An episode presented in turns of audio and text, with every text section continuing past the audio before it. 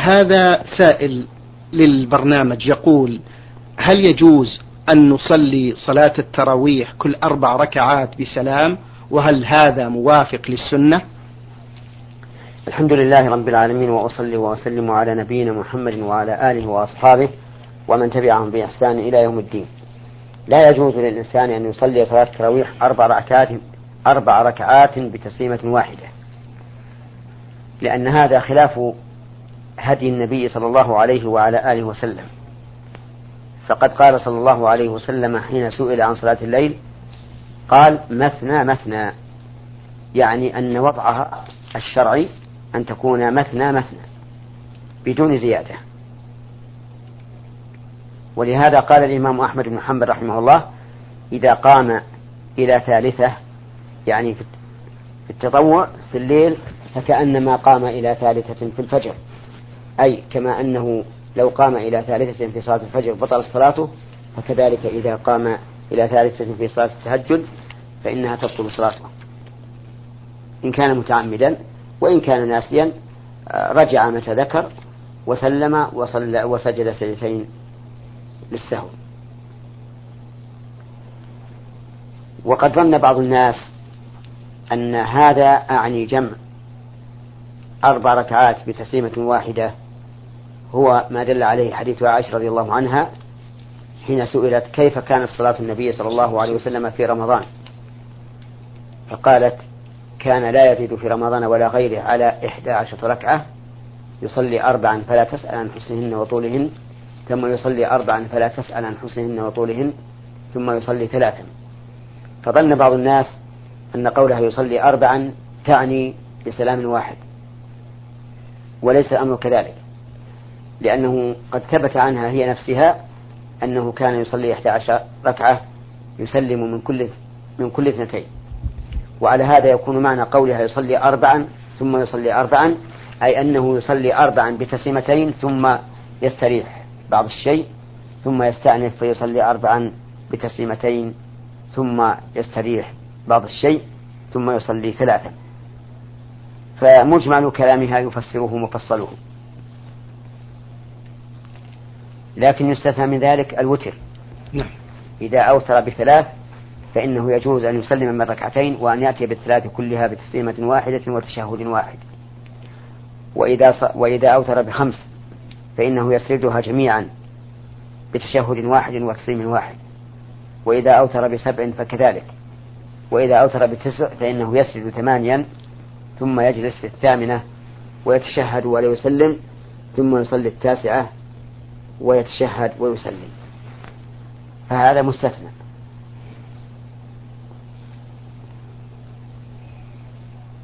وعلى هذا فلو قام في غير ما استثني لو قام إلى الثالثة ثم ذكر ولو كان قد قرأ الفاتحة فإنه يرجع ويجلس التشهد ويجلس للتشهد ويتشهد ويسلم ثم يسجد للسهو بعد السلام. نعم. جزاكم الله خيرا. بالنسبة لسجود السهو هل حكمه في صلاة الفرض والنافلة واحد؟ نعم. سجود السهو فيما يوجبه وفي محله لا فرق فيه بين الفريضة والنافلة. جزاكم الله خيرا. هل للربح حد معين في البيع والشراء؟ ليس للربح حد معين في البيع والشراء. ما دام السوق كله قد ارتفع السعر فيه. والإنسان قد يشتري السلعة بمئة مثلا ثم يرتفع السعر طفرة واحدة إلى مئتين. فيبيع بمئتين. فهنا ربح مئة في المئة و وأما إذا كان يزيد في في الربح والسوق راكد. لكنه هو أراد أن يتضرر بالناس أو كان يزيد في السعر لكون المشتري غريرا لا يعرف الأسعار فهذا حرام عليه. ولا يحل له أن يبيع بأكثر مما يبيع به الناس. قد يقول بعض الباعة أنا لو أذكر السعر المحدد لقام المشتري يماكسني لينزل من السعر. فنقول لا بأس حينئذ أن تزيد في السعر إذا كنت تظن أنه سيماكسك لكن إذا لم يماكسك فلا بد أن تقول له السعر الذي كان في السوق. فمثلا إذا جاءك الرجل ليشتري سلعة قيمتها مئة فقلت بمائة وعشرين ظنا منك أنه سوف يماكسك حتى تنزل إلى المئة. لكن الرجل لم يماكس. وقبلها بمائة وعشرين. ففي هذه الحال يجب عليك أن تقول له اصبر.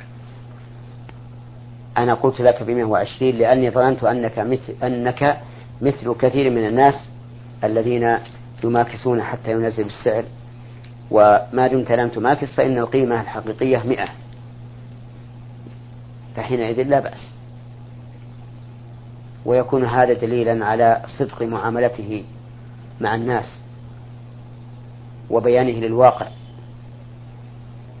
وقد ثبت عن النبي صلى الله عليه وسلم أنه قال البيعان بالخيار فإن صدقا وبينا بورك لهما في بيعهما وإن كذبا وكتما محقت بركة بيعهما.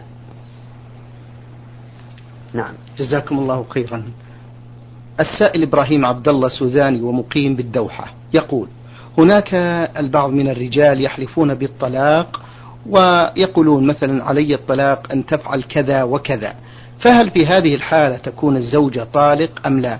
علما بأنه لم يذكر الاسم أو اسم الزوجة وهذه حجة من يقول هذا القول. نرجو الإفادة. أه، أقول إن الحلف بالطلاق أمر محدث وهو وقوع في مخالفة أمر النبي صلى الله عليه وسلم. فإن النبي صلى الله عليه وسلم قال من كان حالفا فليحلف بالله أو ليصمت. فإذا قال الرجل علي الطلاق لأفعلن كذا وكذا ولم يفعل. أو قال لامرأته إن لم تفعلي كذا فأنت طالق فلم تفعله. فأكثر العلماء على أن الطلاق يقع. ولا يمين عندهم في الطلاق في مثل هذه الصيغة. وذهب بعض أهل العلم إلى أن مثل هذه الصيغة يمكن أن تكون للطلاق أن تكون آه، للطلاق وأن تكون لليمين على حسب نية المطلق. فإذا قال قلت لزوجتي إن فعلت كذا فأنت طالق. أقصد بذلك تأكيد منعها وتهديدها بالطلاق إن فعلت. ففعلت فإننا في هذه الحال نقول عليك كفارة يمين وهي على التخيير. إطعام عشرة مساكين أو كسوتهم أو تحرير رقبة فمن لم يجز فصيام ثلاثة أيام. وإن قال عرفت الطلاق حقيقة. وأن المرأة إذا خالفتني لم يعد لي فيها رغبة. فحينئذ يكون طلاق معلقا متى وقع فيه الشرط وقع الطلاق. لقول النبي صلى الله عليه وسلم إنما الأعمال بالنيات وإنما لامرئ ما نوى. نعم. جزاكم الله خيرا. في ثاني أسئلة هذا السائل آه، يقول هناك البعض من الناس يخرجون من بلادهم لطلب الرزق في البلاد الأحسن وهم المغتربون والواحد يكون بعيدا عن زوجته فترة طويلة ثلاث أو أربع سنوات فهل هناك حق؟ يسأله الله عز وجل عن أولاده. إذا كانت إذا كانت غيبته عن أولاده وأهله تستلزم ضياعهم فإنه لا شك مسؤول عن ذلك. كقول الله تعالى يا أيها الذين آمنوا قوا أنفسكم وأهليكم نارا وقودها الناس والحجارة. ولقول النبي صلى الله عليه وعلى آله وسلم الرجل راع في أهله ومسؤول عن رعيته. ولا يصح تمسكه بأنه يريد بذلك طلب الرزق. لأنه يريد لأنه يريد يريد طلب الرزق لأهله لكن يضيعهم في الآداب والأخلاق والتوجيه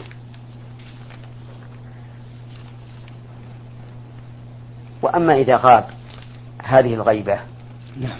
وكان عند أهله من يقوم بواجب تربيتهم كالعم والأخ ولم تطالب الزوجة بحقها في رجوعه إليها فإنه لا بأس به. ما دام آمنا على أولاده وأهله. نعم. جزاكم الله خيرا. هذا السائل الذي رمز لاسمه بسين ميم عين يقول في هذا السؤال هل لبس الثياب البيضاء آه، وارد في السنة؟ الألوان في الثياب كلها جائزة ما عدا الأحمر الخالص. فإن النبي صلى الله عليه وعلى آله وسلم نهى عنه. لكن اللباس الأبيض أفضل من غيره.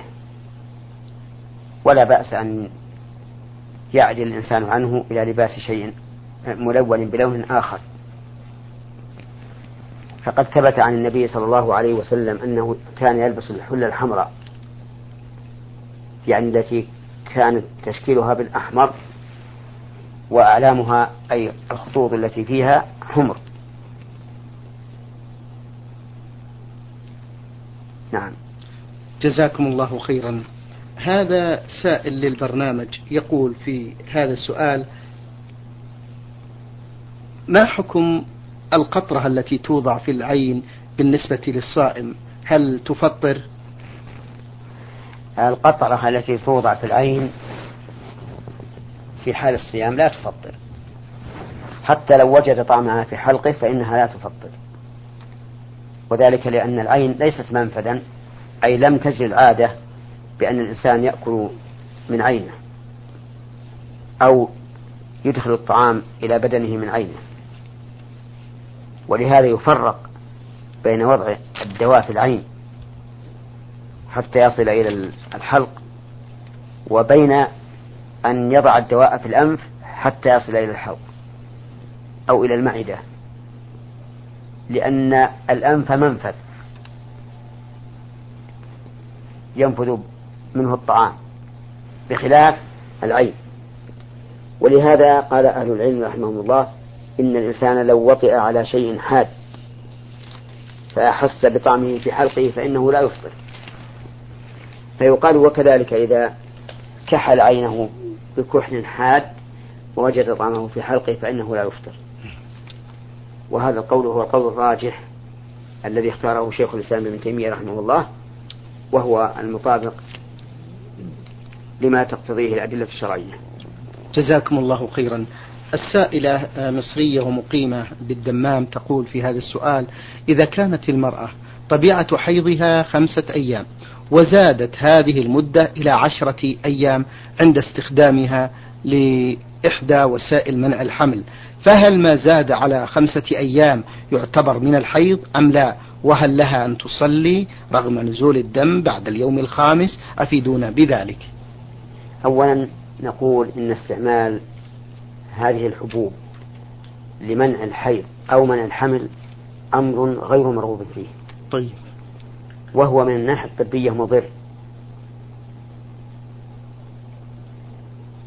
وإذا كان كذلك فإن ننصح أخواتنا بعدم استعماله أي استعمال هذه الحبوب. ومن مساوئ هذه الحبوب نعم.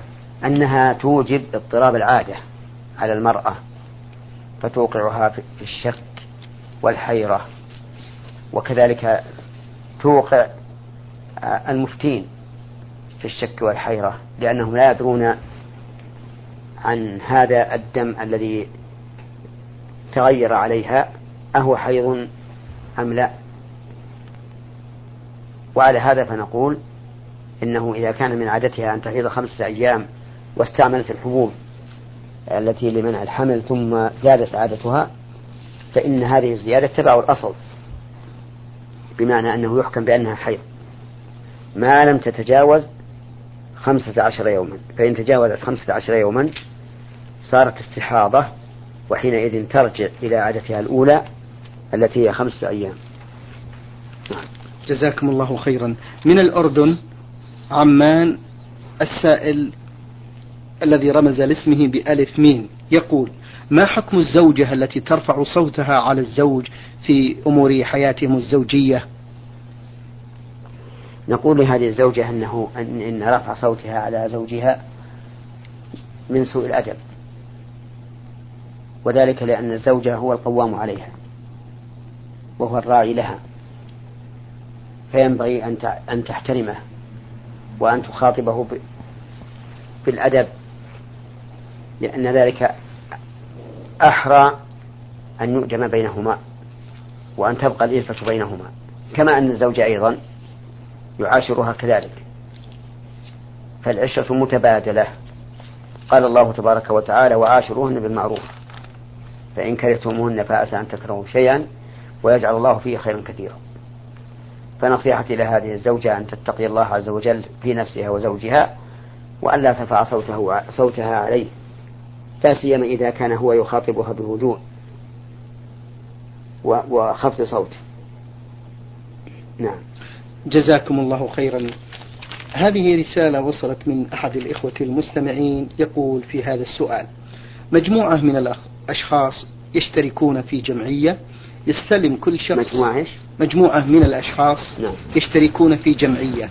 في آخر كل شهر يستلم كل شخص بمبلغ من المال. يسمونها الجمعية فما رأيكم هل هذا يعتبر ربا أم حلال أرجو من فضيلتكم إيضاح ذلك نعم. صورة المسألة فيما نعلم عن هذه الجمعية آه أن أن يكون هناك جماعة موظفون فيعطون كل واحد من يعطون كل واحد منهم ألف ريال من الراتب مثلا نعم. فيعطون رقم واحد كل واحد منهم يعطيه ألف ريال. فإذا قدرنا أنهم عشرة صار هذا الواحد يأخذ في أول شهر عشرة آلاف. عشرة آلاف. طيب. ألف وراتبه وتسعة من من زملائه. نعم. ثم في الشهر الثاني يكون هذا للثاني إلى أن يتم العشرة. وهذا جائز. ولا إشكال في جوازه. وهو من التعاون على البر والتقوى. ومن سد حاجات الإخوان. وليس هذا من باب كل قرض جر منفعة فهو ربا لأنه لم يجر للمقرض شيئا. إذ أنه لم يأته أكثر مما أقرض. فهو أقرض تسعة آلاف كل شهر ألف فيتبع إخوان وسيأخذ من منهم تسعة آلاف فقط.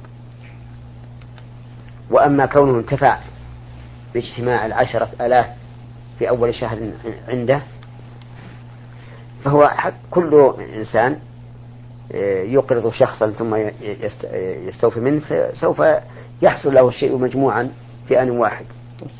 ولا يضر. على كل حال هذه المعاملة جائزة ولا إشكال فيها. نعم.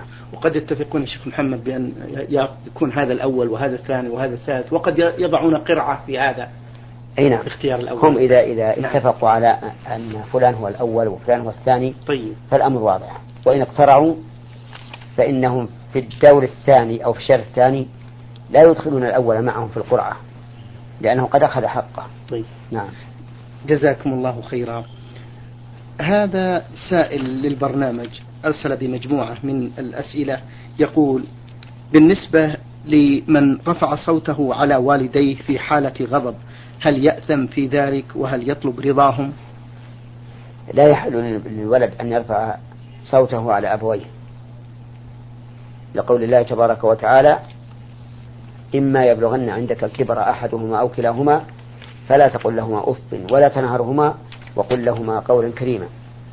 والغالب أن الأبوا أن الأبوين إذا بلغ الكبر حصل منهما آه، إيذاء لأولادهما وإشقاق عليه.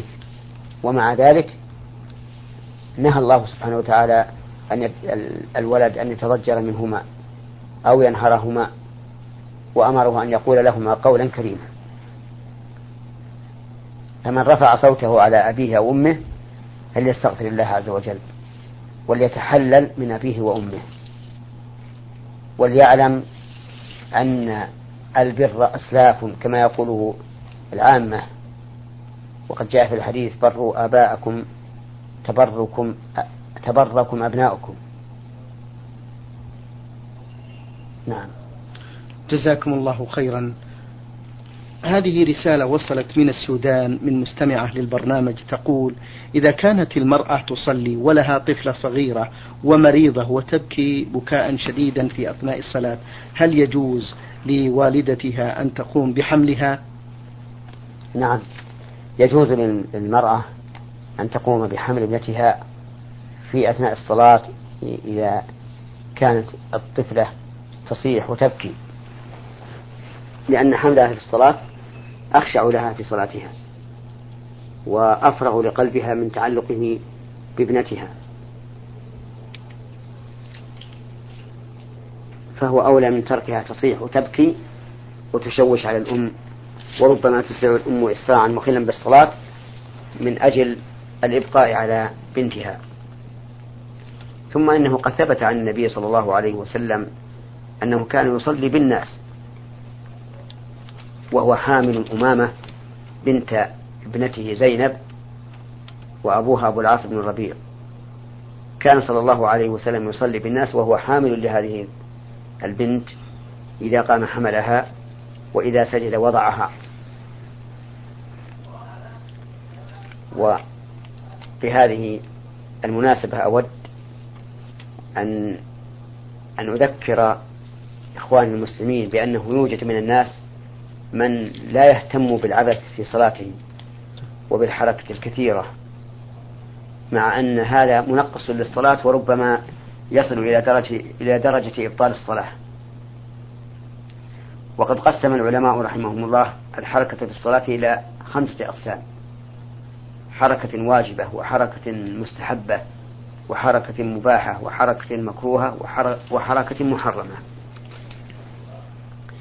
أما الحركة الواجبة فهي التي فهي التي يتوقف عليها صحة الصلاة. ومثاله أن يكون الإنسان في البر يصلي إلى جهة إلى جهة غير القبلة فيذكره من رآه بأن القبلة على يمينه أو على يساره فحينئذ يجب عليه أن ينحرف إلى جهة القبلة. لأنه بهذه الحركة يأتي بواجب في الصلاة كما فعل أهل قبى حين أتاهم آت وهو في صلاة الفجر وهم في صلاة الفجر فأخبرهم أن القبلة صرفت إلى الكعبة فانحرفوا وهم في صلاتهم واتجهوا إلى الكعبة وكانوا بالأول يصلون إلى بيت المقدس. ومثل ذلك لو تذكر الإنسان وهو يصلي أن في غترته نجاسة فإنه يجب عليه أن يلقيها. وهذه حركة واجبة لأنه لأنه لا يتم واجب الصلاة إلا بها.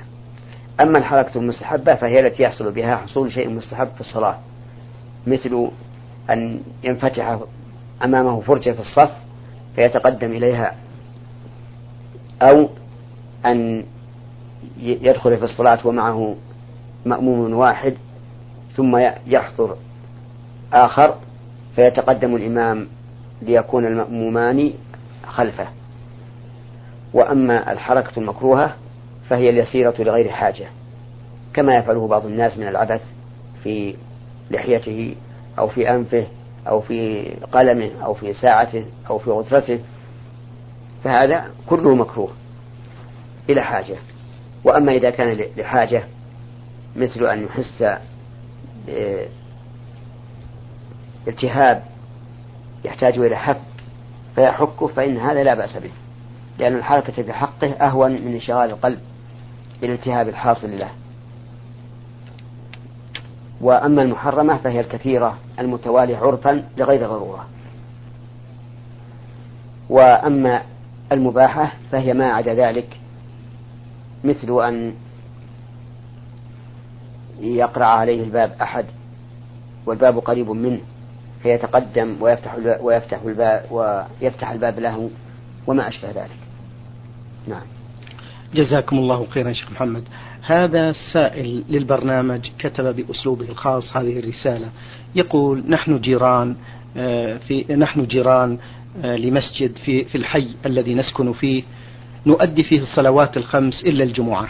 مشكلتنا بأن هناك إمامين في هذا المسجد.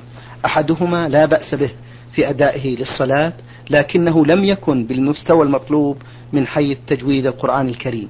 ولكن في غيابه هناك إمام آخر لا يجيد أداء الصلاة حتى سورة الفاتحة لا يحسن قراءتها.